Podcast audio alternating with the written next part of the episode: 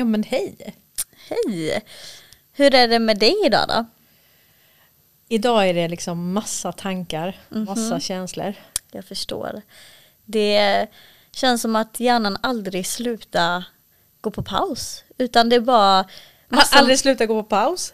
Nej, det får vi hoppas att den inte gör. Men alltså att man hela, hela tiden tänker och tänker och tänker och ibland så kan hjärnan bli så kokhet för att man tänker så mycket. Överhettad. Ja, precis. Över vad som pågår och försöker få ihop pussel och så. Så är det ju. Mm. Men du, jag tror, eh, nu har vi haft rätt många poddar här och vi i avsnitt 17 Mm. så pratar vi om The Great Awakening och planen. De godas plan. Precis. Idag ska vi prata om The Deep State. Och det är då de ondas plan. Vilka är de? Hur opererar de? Och vad var deras mål? Så det ska vi prata om idag. Och det är ju Vi har ju förberett det här rätt länge och ändå så är det svårt att få med alla, alla bitar. Mm. Hur man ska förklara det här. Många utav er som lyssnar vet ju att djupa staten är ju personer i bakgrunden. Personer och företagsintressen och deras institutioner som verkar i det fördolda. De drar liksom i trådarna bakom fast de är inte folkvalda. Precis. Och vilka är då de här människorna bakom? Det ska vi prata om idag. Vi ska börja med att lyssna på Joe M. Den här videon som vi också sa i eh, avsnitt 17 då. Eh, the Plan to Save the World Remastered som finns på BitChute med Joe M. Eh, men vi spelade ju inte upp hela klippet innan. Nu ska vi spela upp ett klipp här.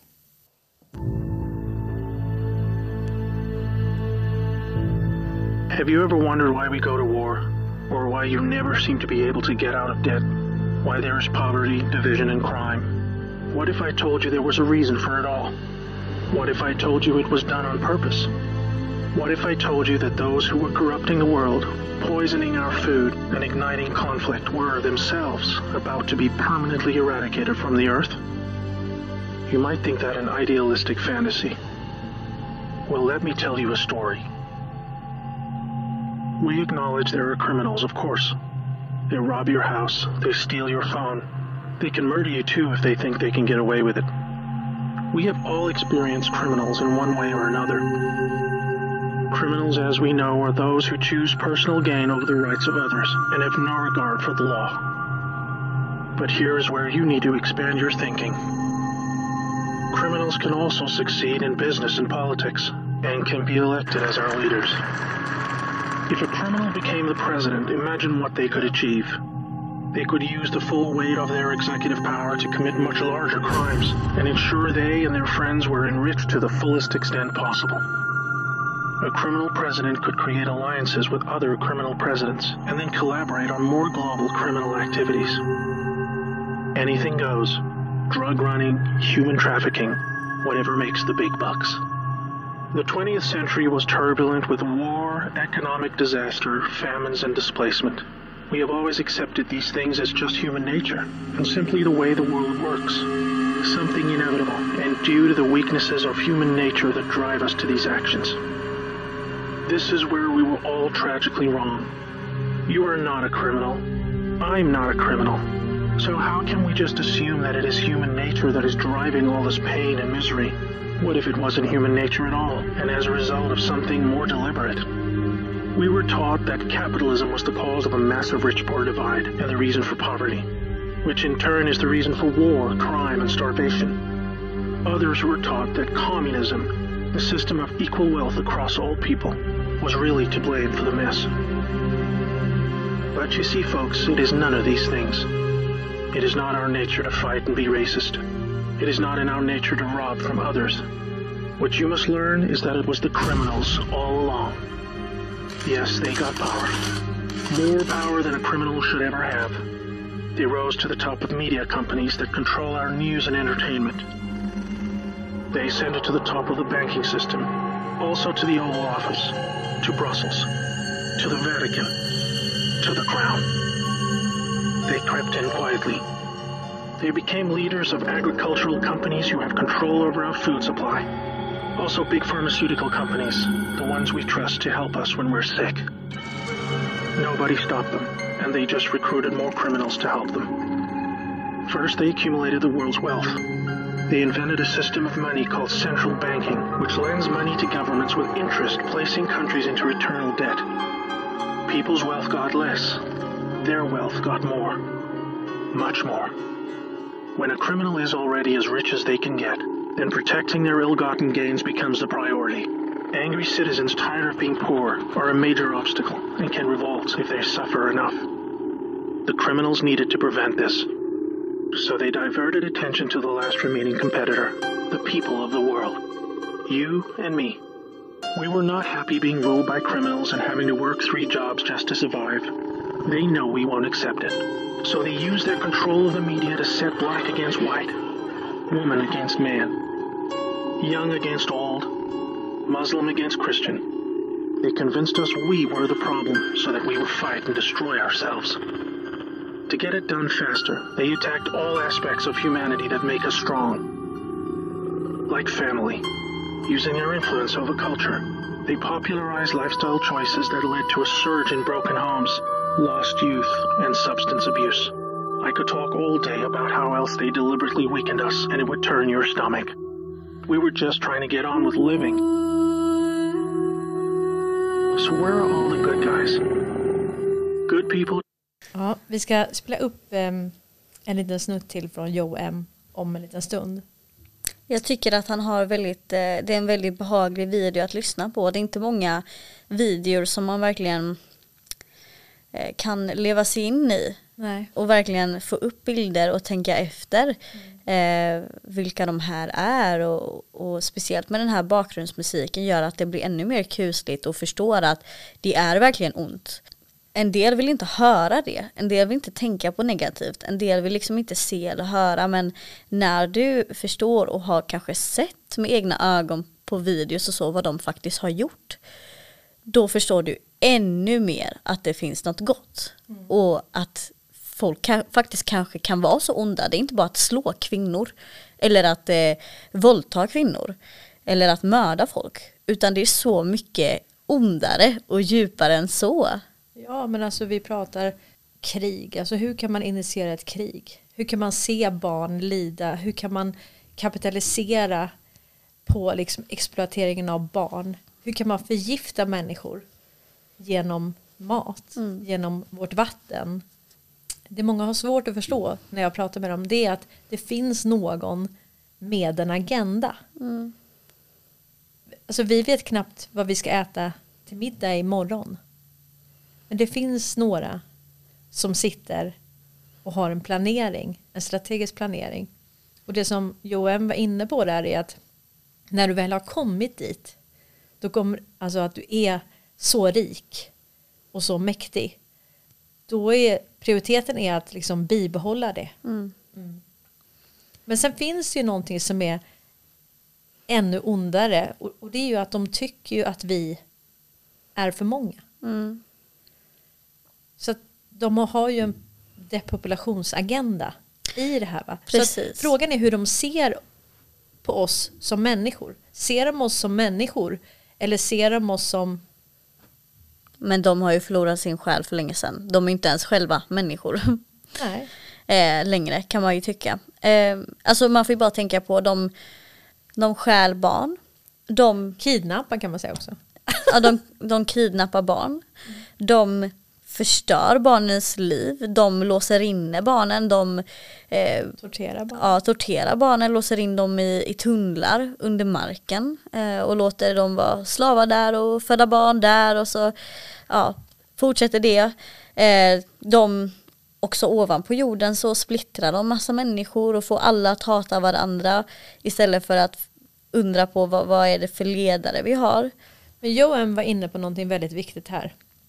Och det var ju att de skapade då det federala banksystemet, Federal Reserve, alltså hela vårt riksbankssystem.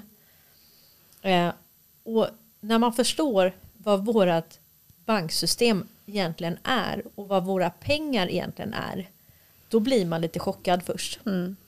Jag menar, jag har ju jobbat inom finans alltså hur många år som helst och jag har ju lärt mig det systemet utan och innan så jag kan förklara det.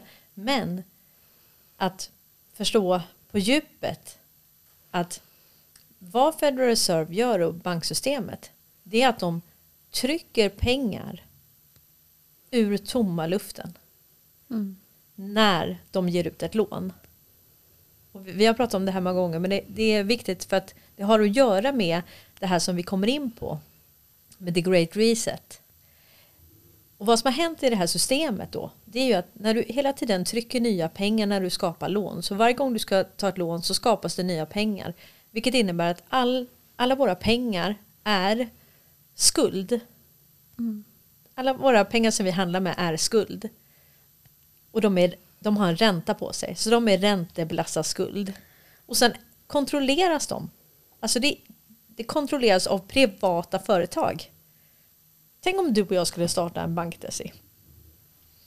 Ja, och så bara trycker vi pengar i tomma luften. Vi har en egen sedelpress som man brukar skoja om. Att vissa företagare har för det går så bra för dem. Ja, vi har en egen sedelpress. Och sen så är det så att vi lånar ut det till folk. Och sen så tar vi tillbaka ränta. Och kan de inte betala så utmäter vi deras tillgångar. Vilket innebär att de hela tiden har förflyttat riktiga pengar som vi har jobbat ihop. Vi har jobbat, vi har betalat skatt, vi har betalat moms. Så, så de få stackars pengar vi får behålla.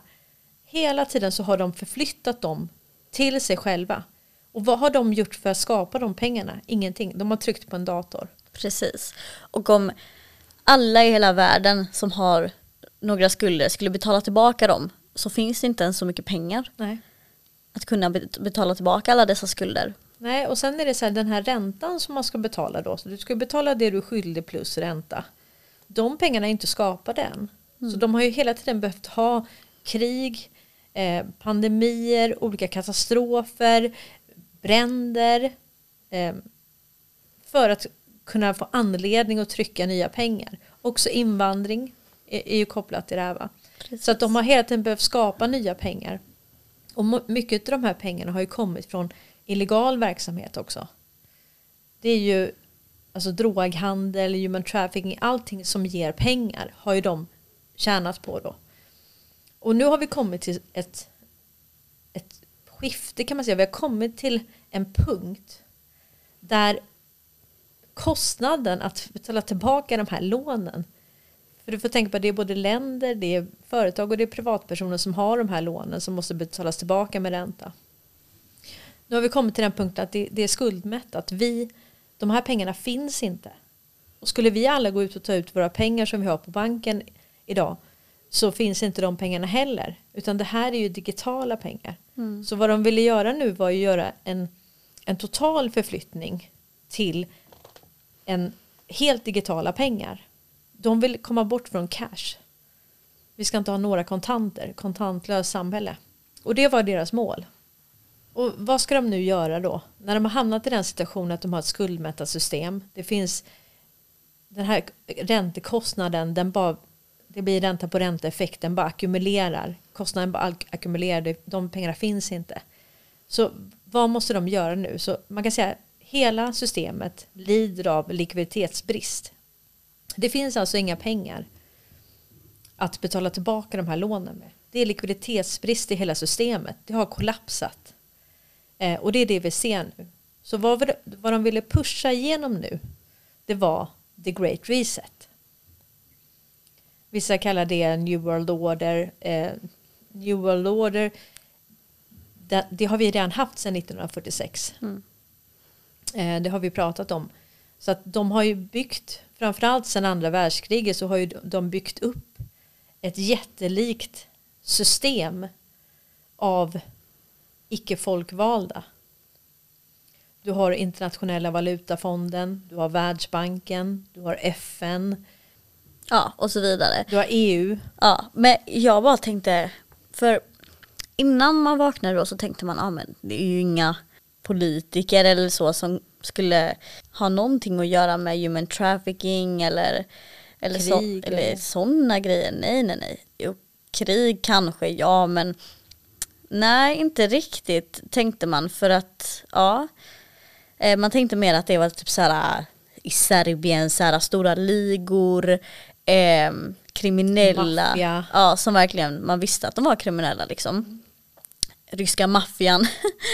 Ehm, men det är klart, om de som är rikast i världen vill bara bli rikare och rikare och rikare. Det är klart att de, det är en, verkligen en miljardindustri. Alltså det är ju typ en av de största. Human trafficking, vad är det mer? Droghandel. Droghandel, det är läkemedelsindustrin. Livsmedelsindustrin. Ja, så det är ju dem. Eh, så det är klart att de får den tanken helt enkelt. Men sen har du också de, alla de största mediekanalerna. Alltså där vi får våra nyheter, vårt skolsystem. Där har de ju hela tiden präglat oss, fått oss att tänka på ett visst sätt. Och, och nu är det ju väldigt mycket i USA om det här critical race theory. Att man går emot det. För jag brukar säga det, släpp in liksom 10 fyraåringar i ett rum. Ja, någon som är svart, någon som är vit, någon som är asiat, någon som är spanjor eller bara blanda det fritt. Tror du barnet kommer tänka på det? Nej. Nej, det är vi som lär dem det här. Och, och den polarisering som vi ser nu, den är inte till vår fördel om man säger så. Ja, alltså för när jag var liten, eh, det var ingen som sa din svenne eller sa något annat rasistiskt ord, utan vi alla lekte med varandra oavsett hur vi såg ut eller var vi kom ifrån. Det var helt liksom normalt och idag så blir man lite utanför samhället om man är svensk ibland faktiskt. Eller om man kommer från något annat land och då kan man inte hänga med den personen för att vi har inte likasinnande tankesätt eller och så vidare. Men- det här är ju någonting, alltså om du tänker barn igen, de, de tycker nästan det är liksom lite spännande om vi säger, jag kommer ihåg när man fick någon i klassen som var från ett annat land, vi hade en från Colombia. Ja, då var man jättenyfiken på, ah, Colombia liksom, vad, hur ser det ut där? Och det var mer så här lite exotiskt, du vet. Men det var ju någon som kom från Ryssland va? In till din klass som kunde Nej, han var från Polen. Ja, Ja. precis. Och, och det tog, alltså han pratade på några veckor så kunde du inte höra. Han kunde inget, ingen svenska först. Han lärde sig på nolltid och du kunde, inte- du kunde inte höra att han kom från ett annat land. Men wow, alltså vad, vad använde de för taktik den tiden? Nej, jag, jag vet inte, men, men det är ju de som kommer hit liksom. Det är likadant de som kommer till exempel från Spanien och är läkare. Eh, som har kommit hit då som läkare. De lär sig också blixtsnabbt. Så jag, jag tror att det, med rätt incitament, liksom, men om du ska ta emot patienter eller så, så det är klart att du måste ju kunna språket. Så att man måste också hitta de här incitamenten för att man vill integrera sig. Eh, nej men jag får ju ofta frågan så här, ja men vadå globalisterna, vadå de, att det finns personer som samverkar i skuggorna och som styr i bakgrunden, som verkar utan att synas. Vilka är de personerna egentligen? Globalisterna det är ju de vi kallar för de så kallade 1 procenten. Alltså 1 procent kontrollerar 95 procent av jordens tillgångar, naturresurser, banksystemet eh, och de samverkar. Och de träffas faktiskt i olika konstellationer. De träffas på Bilderbergmötena, de träffas i Davos. Och där är det, så, alltså alla de här institutionerna eller alla de här FN och EU och alla de här, det är ju, de är inte folkvalda va? Och nu är det WHO som dikterar till exempel om pandemin. Och de är Precis. inte folkvalda av oss. Vi har inte valt dem. Och, då hamnar de liksom, vi är med i de här globala nätverken. Så att säga Sverige är självständiga länder, det är ju helt fel ju. Men det finns faktiskt en på Sky News Australien. Och han är, jag kan säga han, han skräder inte med orden utan han säger precis vad han tycker. Eh, vi ska höra här vad han har att säga. than the weather and the virus. I wonder if perhaps certain governments and corporations are beginning to get, well, cold feet, as it were, about the next World Economic Forum, because they certainly should be. You see, the next World Economic Forum isn't just some lovey jet setters climate gabfest. It's an anti democratic enterprise designed to destroy your job, steal your prosperity, and rob your kids of a future. It's a hardcore leftist eco horror show replete with quasi fascism. I spoke a couple of weeks ago here about the disturbing trend among many of the world's left wing elites to increasingly conflate COVID 19 with climate change, with many going so far as to suggest that all the measures applied to the coronavirus, the lockdowns, the destruction of businesses, the suppression of dissent, curfews, strong arm police tactics, should become the new normal for dealing with climate change. And indeed, that is precisely what the next World Economic Forum is planning to do to convince governments, with the help of big business and big tech, to bring about something deeply, deeply sinister called the Great Reset. The what? Precisely, it sounds kind of crazy enough, but it is a program designed to strip us of all our fundamental democratic rights in favor of a new form of society as dictated by the elites. First of all, here's a bit of the official promo. Alltså han är ju så rolig. Han, eh, om man söker på The Great Reset eh, och han, de blev faktiskt bannade från YouTube för det här. Eh, Någon nyhetssida som verkligen sprider sanning. Men det gör de ju också i andra länder förstås. Men just Australien är Ja. ju Men med tanke på vad som händer i Australien nu så är det inte konstigt att de blev bannade från precis. sina plattformar. Mm. Han talar för mycket sanning helt enkelt. Och det vi kan höra på ett klipp till här. The very worst things in the world, from the coronavirus to bushfires to riots to pollution to poverty, are somehow linked. Then it is claiming that they can magically disappear, literally at the push of a button. And just like that, everything in the world is made right and pure again. The Great Reset. What head of the World Economic Forum? He is a total whack job, in my opinion, and I'll get Well, that the Global Reset Initiative is really forward looking and takes into account the voices of all who are left behind. Now, put aside for the moment that that bloke looks like he's auditioning for the head of Smersh in the next James Bond movie. He is, in fact, Klaus Schwab, the founder and head of the World Economic Forum. He is a total whack job, in my opinion, and I'll get into that in a second. He's a big fan of drones, algorithms, and the Chinese Communist Party, and he believes there's a fourth industrial revolution underway that is changing what it means to be human. And he peddles this sicko fantasy that humans and machines will somehow merge in his green utopia. Bonkers, like I said. But this lunatic has some very, very powerful friends determined to push the Great Reset button along with him. Alltså han skrädde inte med orden alltså. Nej det är han verkligen inte. Men jag tänkte så här, det är Deep State, mm. de som ställer den frågan, bara, Va, varför skulle det finnas? Vad är det för konspirationsteoretiker och, och så? Men vilka tror man, vilka syftar man på egentligen? Är det liksom eh, de som syns på, på filmerna och så eller Alltså, framför kameran? Ja, alltså vi har ju den listan med de rikaste i världen. Ja. Men de är ju inte kanske de personerna som är i bakgrunden. För det som kom upp till exempel med alla de läckorna vi haft, Snowden, Wikileaks, Setreach, Panama-papperna och nu Pandora, Pandoras box som öppnades här. Där ser vi ju att de har sett, de har ett, som ett parallellt finansiellt system. Där de kan äga företag utan att stå på pappret. Köpa fastigheter, flygplan, lyxjakt, företag utan att någon vet vem de är. Sen vet vi det här upplägget med stiftelser, med optioner. Jag tror att det finns många fler på den listan som är betydligt högre upp än ettan. Absolut. Om man säger så. Men det här är ju, det behövs ju också alla de här som är på den här listan, flera av dem är ju marionetter, skapade miljardärer utav den här eliten. Och sen också som han Joe M sa den där videon som vi lyssnade på i början.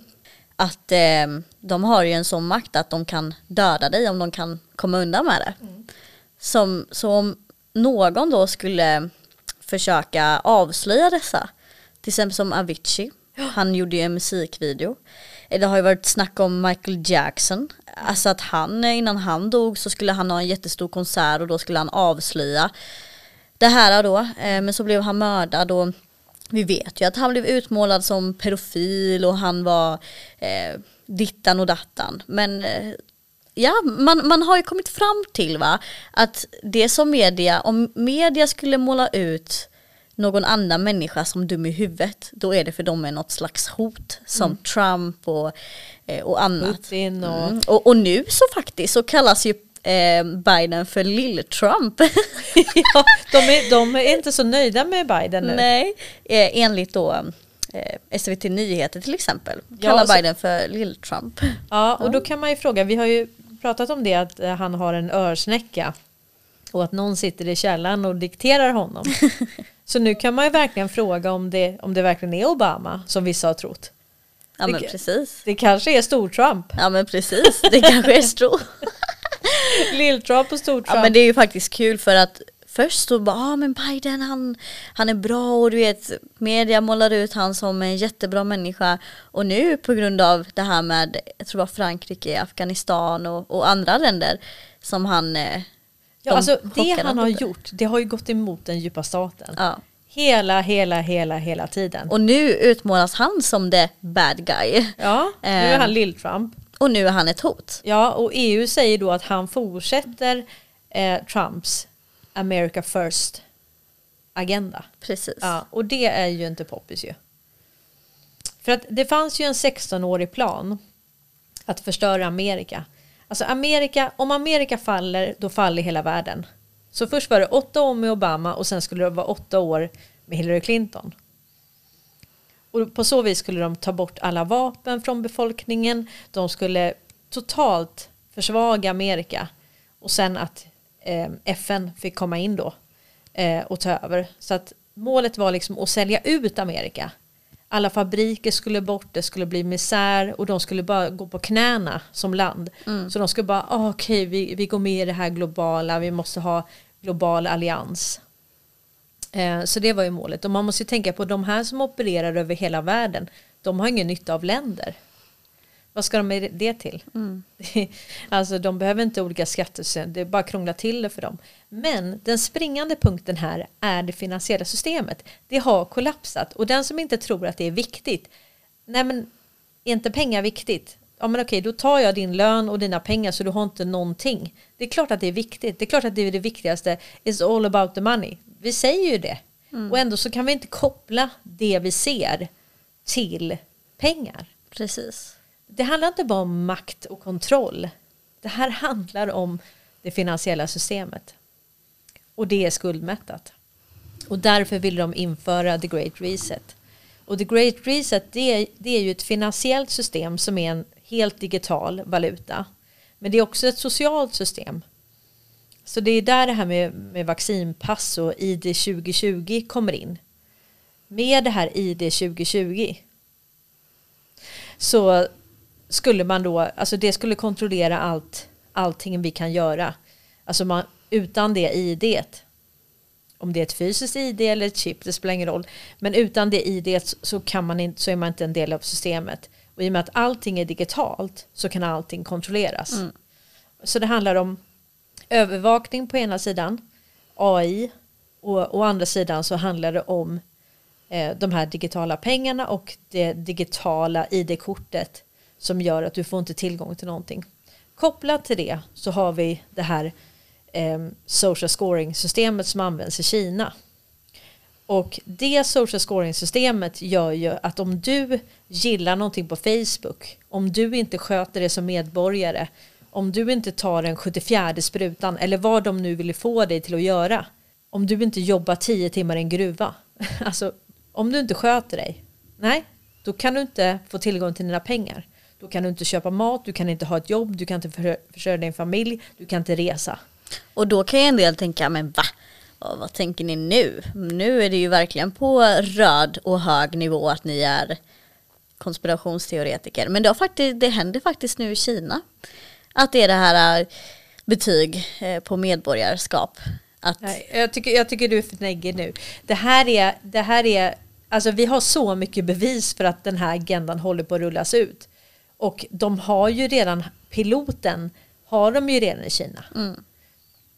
Vi har ju kollat på det här programmet från Kina. Där de nästan skryter om att nu är det så här många miljoner som har nekats att köpa tågresor och flygresor. Och, men vad är, det, vad, är det, vad är nästa steg? mm, exakt. Ska du nekas att få tillgång till dina pengar, kunna försörja dig, kunna köpa mat? Exakt. Så att om man har stort förtroende för de här som sitter bakom spakarna, ja då tycker man ju så här, nej men alltså, storebror ser mig och kan kontrollera mig, ja men det är ingen fara, jag har ingenting att dölja. Men om vi säger att deras agenda inte är god och de kan tvinga dig till vad som helst, ja då är det inte så kul att vara i ett kontrollsamhälle. Så för mig, det här med vaccinpass och allt det här, för mig handlar det mer om vilket samhälle vill jag ha? Mm.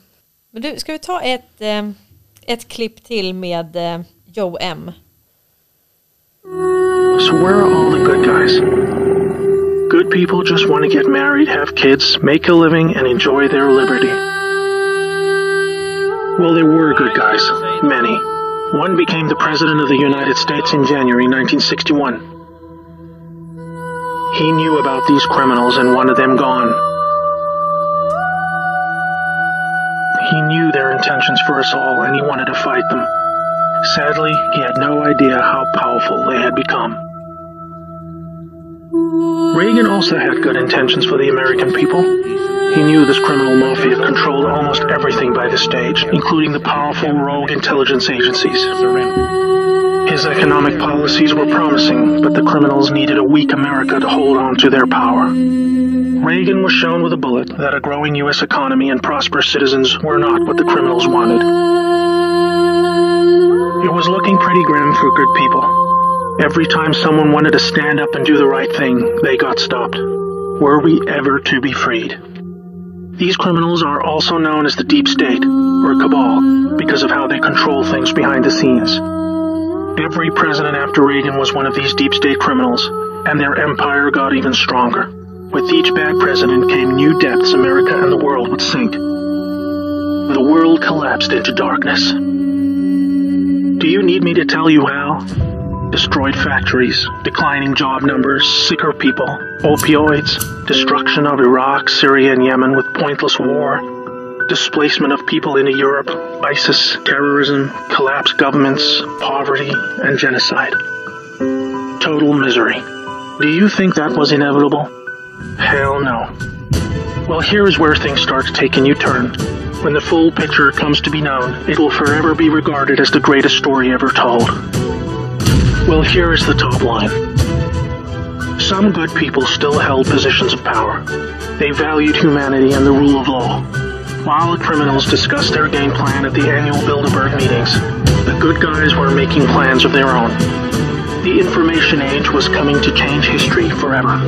As the internet flooded into every home and appliances became smarter, and when people started carrying tracking devices, an opportunity to put an end to criminal control over the world was emerging. We became connected, trackable, and surveilled. But so did they. They became dependent, just like we did, on email, SMS, instant communication, it made crime much easier, but it also put them on a grid that, if accessed by the right people, would expose their crimes to the public and end their iron grip on us once and for all. In this new age of information, it was thought that the military should also have its own intelligence agency to focus on cybercrime and espionage. They called this the NSA, the National Security Agency, here we had every phone call, email, and text from every device stored and archived. Whether it be someone making a doctor's appointment or the deep state setting up a massive heroin purchase from the Taliban. In the right hands, it would be enough information to expose the entire sinister criminal plot to rub us blind and wipe us out. Hold that thought. Now I need to explain the plan. The good guys were devising a plan to reclaim the world from the cabal and return it to the people. It would involve alliances with multiple countries, since the criminals had global rat lines, trade, and other infrastructure in place that would need their cooperation. It came down to two choices for America. Launch a military coup to seize the government from whichever cabal puppet was in the White House at the time. Or win legitimately, take control of the NSA, expose the criminals for what they are, and arrest them all. Obviously, the first option would be very troubling for the public. With people still preoccupied with cabal engineered social issues, they would likely revolt and hurt themselves and others. No, it would have to be the latter. So they needed a candidate who could win, and who could win big. Many states like California had been so heavily inundated by criminals that even the voting machines were electronically set up to swing votes any which way. It would need to be a very decisive victory.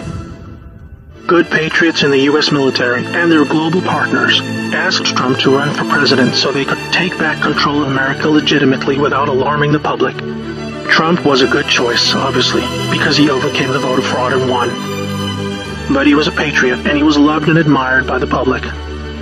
He was not interested in joining the cabal because they hated America and he did not agree with them on that point. As soon as he showed interest in taking power, they activated their media assets to viciously turn on him. That's when we saw the sudden hatred emerge. Even when he won, the cabal still had no idea what he was a part of and the sophisticated plan that was about to unfold against them. Shocked at their loss, they mobilized their full arsenal of intelligence, media, money, and technology to try and take back power. There are people at the top of the DOJ and FBI then put together a plan to frame Trump and have him impeached. This is where we come back to the NSA again. All messages were stored and could be used to expose this plot and prevent Trump's overthrow.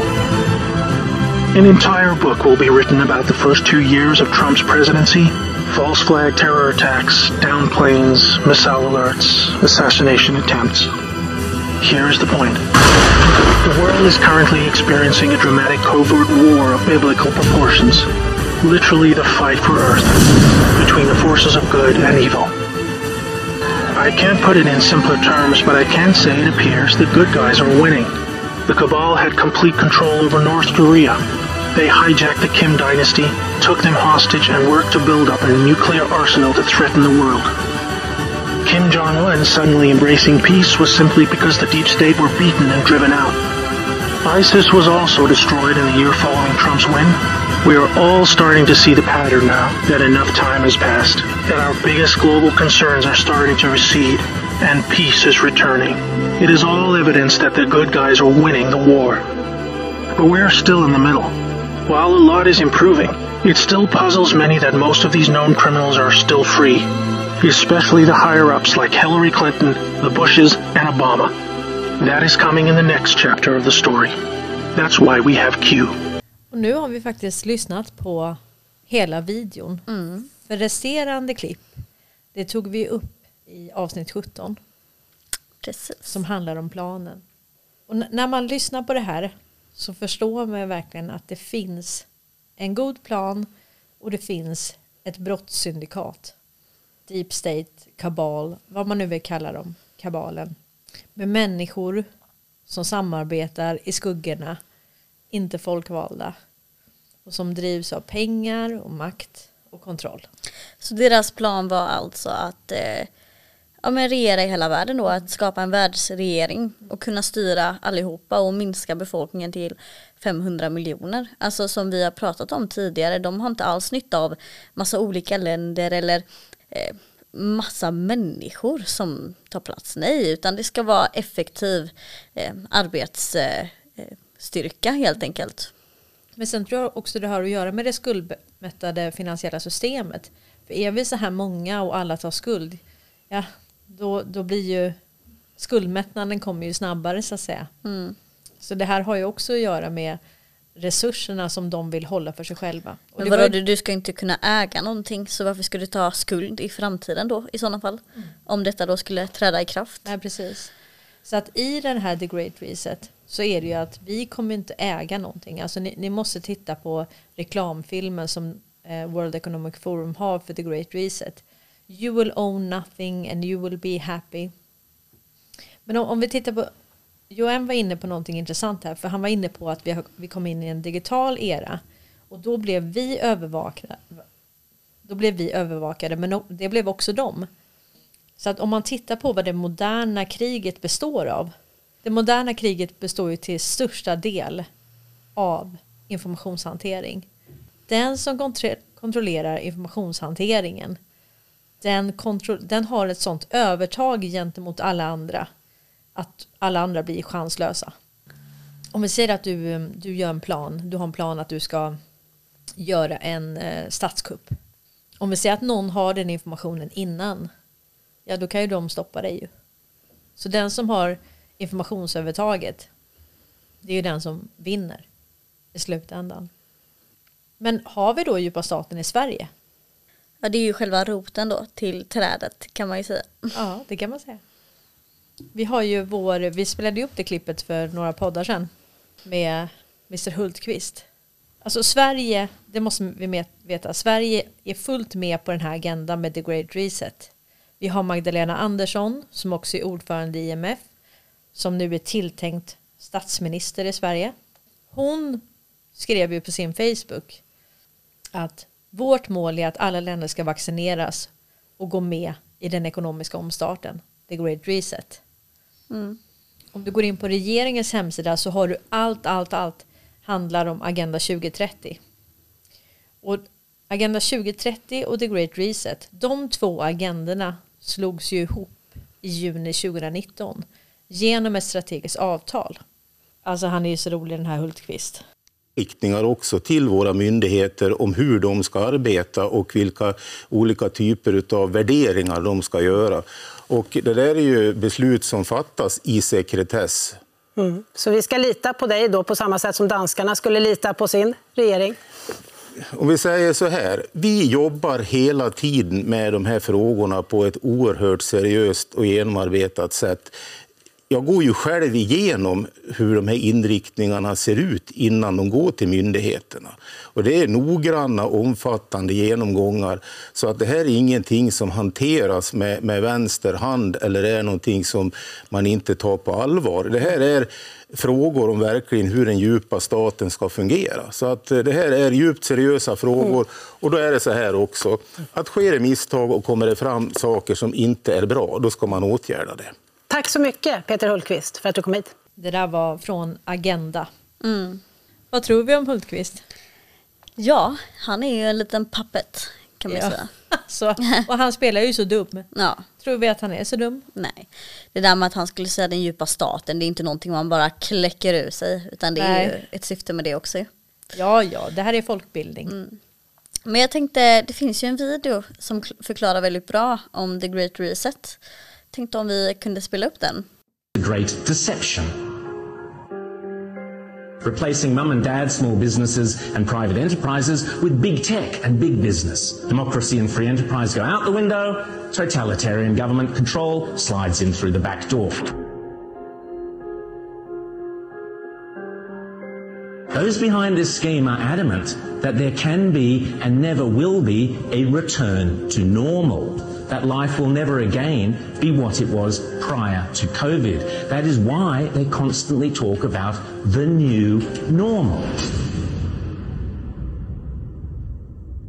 The World Economic Forum meets every January in Davos. You will have heard of the expression Davos man. It refers to all the zillionaires and pop stars and popes and princes and politicians who meet every year to map out our futures. This year's Davos is very, very different to all the previous ones. The World Economic Forum, along with the United Nations, along with the International Monetary Fund, and along with any number of prominent globalist organizations and powerful individuals, including Prince Charles, together have jointly promised that the 2021 World Economic Forum will be used to introduce via a vast network of connected big tech corporations, online activist movements, and compliant local and national governments something they call the Great Reset. This isn't some uh, sky after dark fantasy conspiracy theory. It is a global commitment they have made to use the panic and fear generated by the coronavirus as a means to reshape all our economies and laws and move to a new form of capitalism that focuses on net zero emissions. You might think this is a great thing. You might think this is a terrible thing. If implemented successfully, the Great Reset will undeniably and deliberately have extreme and possibly dire repercussions for every single one of your constituents. Already, the Great Reset is being widely advertised on posters and in ads across the UK and Europe, and no doubt will be here before too long. You'll own nothing and you'll be happy is just one of their marketing slogans. The plan involves replacing shareholders of big companies with stakeholders who happen to be left-wing bureaucrats and climate change zealots. Replacing mum and dad small businesses and private enterprises with big tech and big business. Mrs. Kafup's share portfolio is out. Greta Thunberg's zero emissions are in.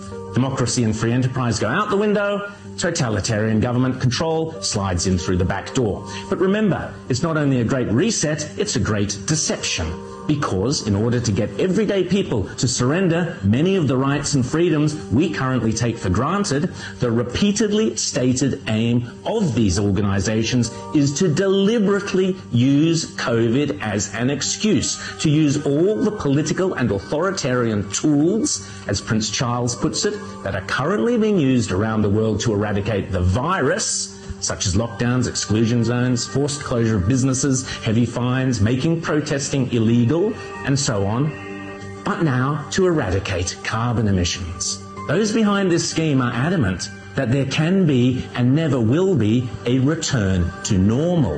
That life will never again be what it was prior to COVID. That is why they constantly talk about the new normal. This is, this is not me saying this. This is them saying it. The people with the power and the means and the obsessional desire to do it. And they keep telling us again and again precisely what they have in store. Now is the historical moment, the time, not only to fight the severe virus, but to shape the system. We have a unique but rapidly shrinking window of opportunity to learn lessons and reset ourselves on a more sustainable path. It is an opportunity we have never had before and may never have again. So we must use all the levers we have at our disposal, knowing that each and every one of us has a vital role to play.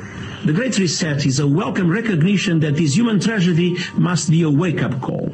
It is imperative that we reimagine, rebuild, redesign, reinvigorate, and rebalance our world rebalancing investment, harnessing science and technology, and advancing the transition to net zero emissions, all elements of the Great Reset, are fundamental to building the future we need. And if it's still not clear, the book written by World Economic Forum boss Klaus Schwab himself setting out precisely how the most powerful forces in the world are lining up to use the COVID-19 crisis as a pretext for introducing a new climate change focused one world economy that will strip away property rights and basic democratic rights. They are not hiding this stuff, they are shouting it from the rooftops. The World Economic Forum boasts on its website that the only acceptable response to the COVID crisis is to pursue a great reset of our economies, our politics, and our societies. På Make Sweden Great Again så har jag faktiskt skrivit en artikel om det här. Mm. Där de flesta av de här länkarna är med. Eh, och den heter The Great Reset. Så att det här är ju en plan som inte är, den är inte dold. Vi har ju Magdalena Andersson som går ut och säger att vi ska vara med i The Great Reset. Hultqvist som säger att det här är frågor kring hur den djupa staten ska fungera. Ja, så tydligen så finns det ju en djup stat som är väldigt kopplad till Sverige också. Sverige och mm. informationshantering. Mm. Eh, och vad, vad är det då som pekar på att de här mäktiga krafterna inte kommer lyckas? Mm. Ja, det finns ett problem. De har ett litet dilemma kan man säga. Mm. Och det dilemmat är att om du ska införa en sån här digital värld så måste du ju ha en digital värld. Du måste ha telekominfrastrukturen. Och det var ju det som Trump-administrationen, justitiedepartementet i USA, tog kontroll över i november 2019 i tre år. Så fram till november 2022 så ska det här vara klart. Då ska djupa staten ha varit utrensad, vi ska ha fått ett nytt finansiellt system och de här otroligt mäktiga människorna som har suttit och styrt och dikterat våran, våran värld, de kommer bli eliminerade. Precis. Och så att alla de som håller på och säger nu att åh, de håller på att vinna och så. Jag förstår inte hur man kan tolka alla världshändelser på det sättet. Och själv så hade jag aldrig vågat ens tänka den tanken för att vad är det för meningen att jag är här då? Om jag vet planen och känner, ja, så sitter jag där och skriver bakom telefonen, nu är det kört, hej då allihopa, nu dör vi allihopa. Ja. Ja. Nej men alltså då finns ju inget hopp. Nej, Och det, och det är det vi har sagt att om, om det är nu så att de här injektionerna är dödliga, är giftiga så att det kommer radera 80% av alla svenskar och andra på jorden. Ja, men då, då håller inte the good guys på att vinna. Det är bara så. Och då är Trump den värsta mördaren i världshistorien. Men det är ju inte så. Om vi tittar på vad som händer geopolitiskt och finansiellt runt om i världen så förlorar ju djupa staten slag efter slag. Bara det nu att de har liksom vänt sig mot Biden. USAs president det är det högsta ämbetet. Alltså det, USA har sån makt över hela jorden. Så är det bara. Så att om vi nu säger att de är missnöjda med sin egen kandidat. Globalisterna har vänt sig emot sin egen kandidat. I den viktigaste strategiska platsen på jorden. ja that's weird. Där måste man nog tänka efter lite liksom. Ja, om man tittar på alla stora tillslag, allting som bubblar upp.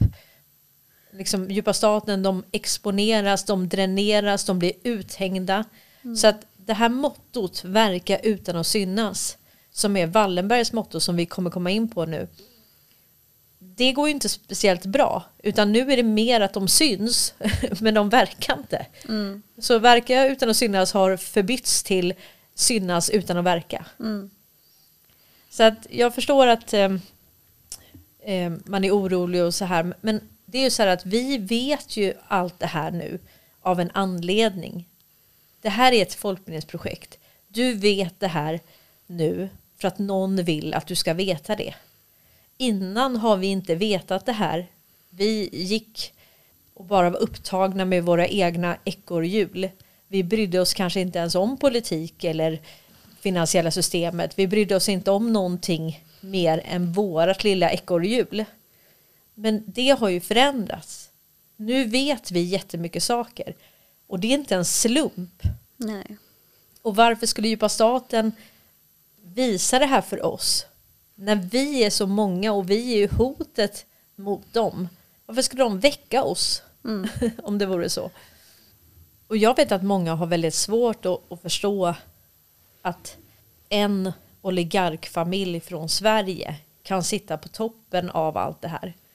Men kontrollerar du telekominfrastrukturen och kraftförsörjningen i 184 länder, ja då kontrollerar du det moderna krigets komponenter, vilket är informationshantering. Tänk om du alltid har all information på förhand. Du vet allting innan det ska ske. Och du har använder den informationen för att göra dig själv rikare. Muta, hota, kanske beslagta saker innan. Om vi säger att du ska göra en heroinleverans och du vet om det innan. Då kan du bara åka dit och hämta den leveransen innan. Det informationsövertaget de har. Det är det som är det viktiga i den här tiden vi lever i just nu. Vi ska spela upp ett sista klipp här om Wallenbergs ekosystem. Så, så att man verkligen förstår hur mäktiga de är över hela världen. Inte bara inom telekominfrastruktur, kraftförsörjning, vapen, vapenexport. Utan man måste förstå hela deras ekosystem. Och den här filmen, eh, den är gjord av Sokrates 17. Och han finns på Telegram bland annat. Och Sokrates, vad han nu heter egentligen, han är amerikan men har bott i Sverige. Så han skriver väldigt mycket och han gör så mycket research. Så han har gjort eh, en film som heter Swedish Kings of Cyberwar. Och det är otroligt viktigt. Det handlar just om NSA som vi hörde Johan prata om. Om FRA-lagen och på vilket sätt Sverige har kontrollerat information över hela världen. Men utöver det så gör de så mycket mer. Eh, och så vi ska spela upp det här klippet nu. More than 100 years ago, a unique vision was created that is recognized today as the Wallenberg ecosystem. This journey began in 1856 when Andre Oskar Wallenberg started Sweden's first private branch bank, Stockholm's Enskilda Bank, known today as SEB. 60 years later, the industrial holding company Investor was sprung out of this bank. When Knut and his wife Elise Wallenberg established the Knut and Elise Wallenberg Foundation in 1917, the final pillar of the ecosystem and the family's engagement was put in place. Ever since 1917, this engagement manifests itself in two main activities support for excellence in science and developing industry leading businesses. The number of foundations has grown over the years. Some of them have been started by family members, and some have been started in honor of family members. Today, we're all together 16 foundations, and collectively, we call them the Wallenberg Foundations. The Wallenberg Foundations are sole owner of FAM and the majority shareholder of Investor AB. These two committed and long term holding companies have invested their money in a portfolio of leading international businesses. The foundations grant 80% of the dividends to science and education, while 20% can be reinvested in existing or new companies, generating additional capacity for grants. So it is the successful development of these companies that provides the basis for the grants provided by the foundations. These grants give excellent researchers from all over the world the opportunity to pursue breakthrough research at Swedish universities. Over the course of the Wallenberg Foundation's 100 year history, we have so far granted over 3 billion euros in grants. And every year we fund more than 1,000 researchers in their effort to reach new knowledge. We are very proud that the foundations have been able to increase their grants to today 200 million euros on a yearly basis. Through these funds, new ideas and insights are generated, which contributes to the development of the society through innovations, new services, and products, which ultimately benefits everyone. 1917, 1918, that was the big that was the big plague. Not since 1917 we came to that conclusion. Even if you go back into 1917, but 1917. Now, in 1917, had they had the internet and all the means of communication, they could have practiced distancing. I've read about the Spanish flu. That was 1917. I would say since 1917 which was the greatest of them all. 1917, it was in 1917, 1918. The flu is nothing to sneeze at.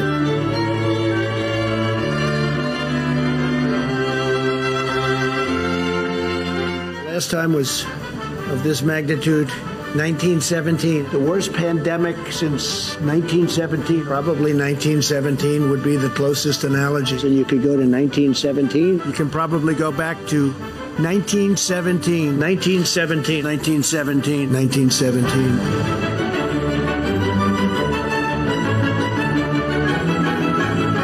Maybe 1917. Finally, follow up for Mr. Trump. Do you think that trade is where Sweden and US differ most right now? Oh, I think we have very good relationships on trade. Uh, we have had, and uh, uh, we are constantly in touch. We have, uh, on the military, great cooperation, including design of various components of aircraft, etc. And we are, we were discussing that we have some of the great makers of these components in the room with us today. Now, we have a very good relationship on trade, and we always will have.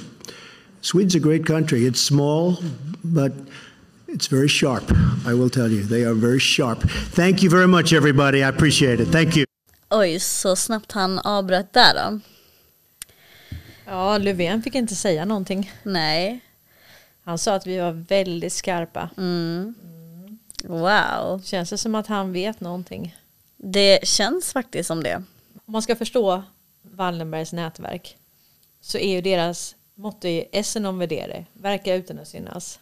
Och de har ju då Ericsson, kontrollerar telekominfrastruktur i 184 länder. De har ABB som kontrollerar kraftförsörjningen i 104 länder. De har Nasdaq, handelsplatsen för börshandel, både i Sverige och New York, plus att de har 150 börser världen över som använder deras plattform. De har SEB, bankverksamhet. Och du kommer ihåg eh, i Baltikum, där åkte de ju dit för penningtvätt, 8,5 miljard euro. Det var inga, och det är bara toppen på isberget så att säga. Mm. Mm. Sen har vi Atlas Copco. De sysslar ju med naturresurser och utvinning av det. Saab gör ju vapen, stridsflygplan och så vidare. Och ehm, alla techbolag. Facebook, Google, Amazon, Microsoft. De betalar licensavgifter för att få finnas på internet. Mm. och nu när Facebook gick ner i sex timmar häromdagen. Då var det ju så att vilket kontor på Facebook var det de raidade polisen? Ja, det var kontoret i Stockholm. Mm. Så de raidade inte Facebook i USA. Och varför gjorde de inte det? Nej, för de har servrarna i Sverige. Och betalar man såklart licensavgifter, ja, då kan man nog kontrollera rätt mycket att okej, okay, om du ska få finnas på internet, då vill inte vi att du gör så här, eller då vill vi att du gör så här. Så att det liksom, övertaget de har mot alla andra. Vem, vilken bank kan klara sig utan en telekominfrastruktur eller utan att finnas på internet idag? Ja, nej. Nästan allting sker ju på internet idag ju. Så det Mm. är ju svårt. Ja. Nej, så att, eh, och det är ju faktiskt vissa amerikanska konton som har hittat att kärnan i djupa staten sitter i Sverige. Mm. Det tog ju ett litet tag men sen börjar faktiskt folk eh, förstå det nu. Ja, och det är, det är som Karl Norberg brukar säga att man ska bara, var är svenskjäveln? Så i alla konflikter så hittar du, ja okej, de var där och sysslar med demokratifrågor, ja. Ja. Ja, men de var där och hjälpte till så de fick lite kraftförsörjning eller telekominfrastruktur. Eh, och om det är Eller någon- de, de gav bistånd där. Ja, eller just det, det. Eller ja. det. Vi gav bistånd där och samtidigt fick de en riksbank. De gick med i WHO och började vaccinera barnen. Och de fick en ny telekominfrastruktur och de fick en ny kraftförsörjning. Det blir som ett litet all inclusive paket. Mm. ja men det är faktiskt sant. ja, så att, eh, men, men vi är snälla, hur hade andra länder klarat sig utan vår hjälp? Ja men så är det ju. Nej, vi är ju jättesnälla. Det är ju faktiskt en karta på typ eh, Nordkorea. Ehm, så är det tänt över hela världen. Förutom Nordkorea när det är kväll då. Och jag bara, det bara slog mig tanken nu, varför fick inte de elen där? Var det diktatorn som var elak och dum och inte ville att någon annan skulle ha lysen på, på kvällen eller natten? Eller hur, hur tänker vi där? Alltså, Ja, om vi lyssnade på Joe M så sa ju han att de hade ju alltså kidnappat Nordkorea och byggde upp en kärnvapenarsenal för att liksom hota världen. Ja. Eh, och sen när Trump kom, ja alltså Kim Jong-Un han, han har ju alltså pluggat i, jag tror att det är Schweiz, Mm. han pratar ju engelska. Mm. Ja. Så han och Trump gick ju helt utan livvakter och allting och snackade och skrattade och allting. Så de, de pratar alltså samma språk. Vissa tror att han, att han inte kan engelska eller någonting. Han är alltså utbildad i väst. Ja. så att eh, allting är nog inte riktigt vad vi tror att det är. Nej, så är det ju. Eh, och jag kan rekommendera er att om ni vill förstå det här med alltså hur den här djupa staten växte fram, hur, Wallenbergs historia, hur vi har varit eh, och liksom exploaterat hela världen så är Karl Norberg den som har gjort i särklass mest research kring det här. Mm. Alltså han har ju tre föreläsningar som jag kan rekommendera där man förstår på ett enkelt sätt hur, vilka som kände vilka. Och hur det här har liksom växt fram över tid. Och hur de hela tiden har skapat allianser och förstärkt sina positioner. Men, men den tiden är slut nu.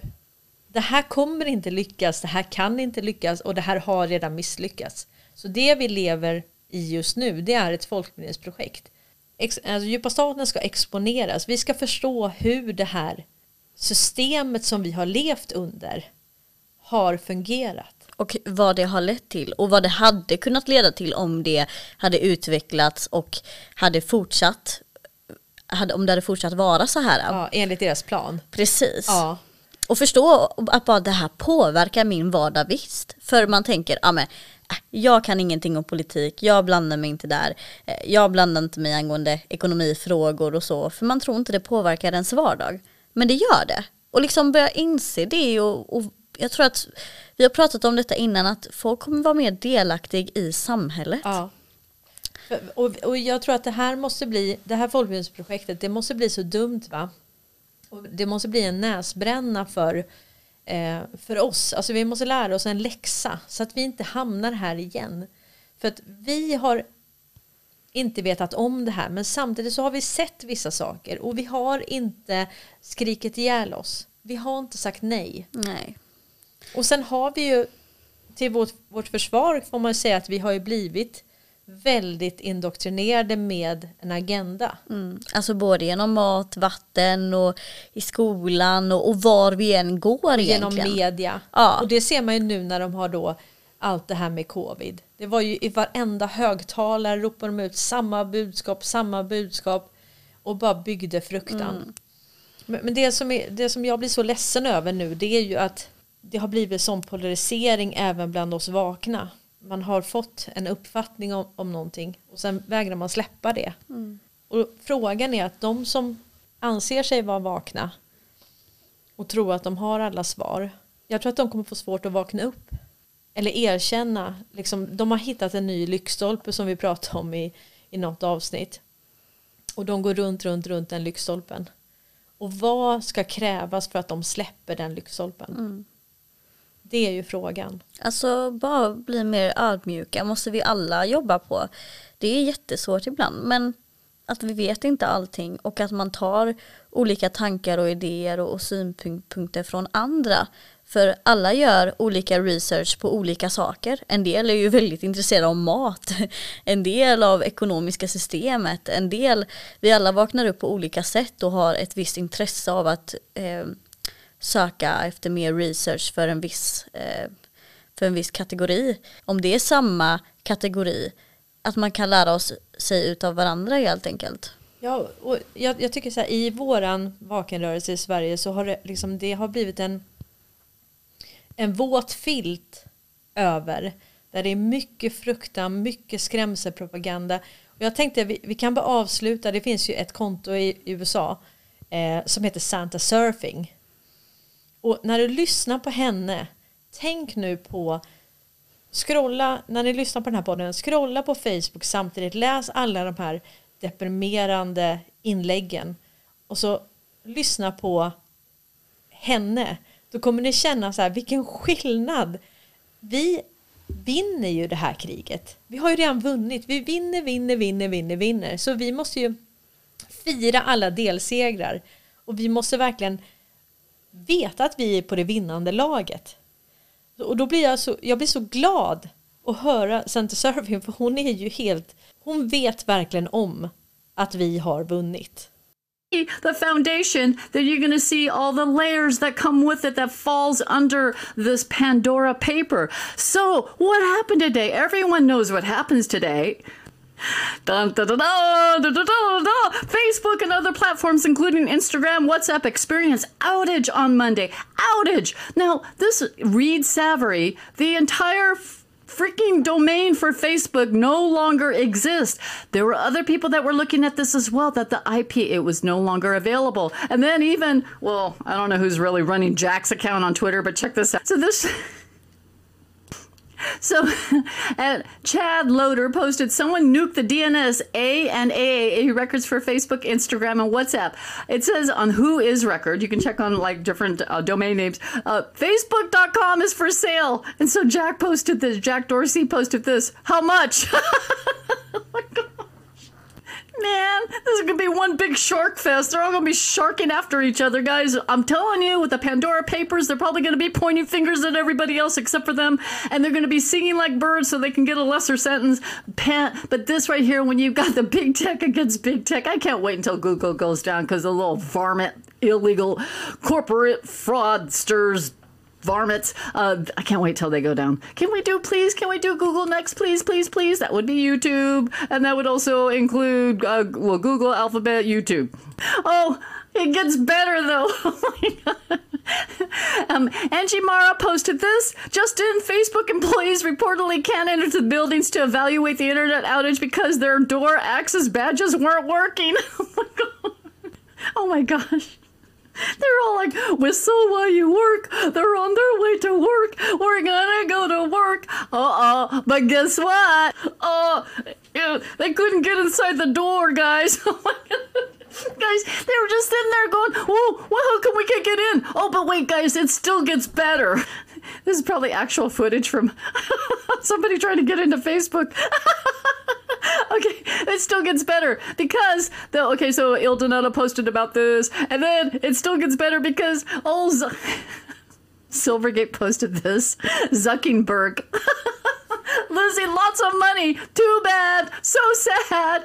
Loses ten billion dollars. This chief Facebook's chief tech officer offers a sincere apologies for global five-hour outage across Facebook, Instagram, WhatsApp, and blames networking issues. Zuckerberg loses seven billion dollars in hours as shares nosedives.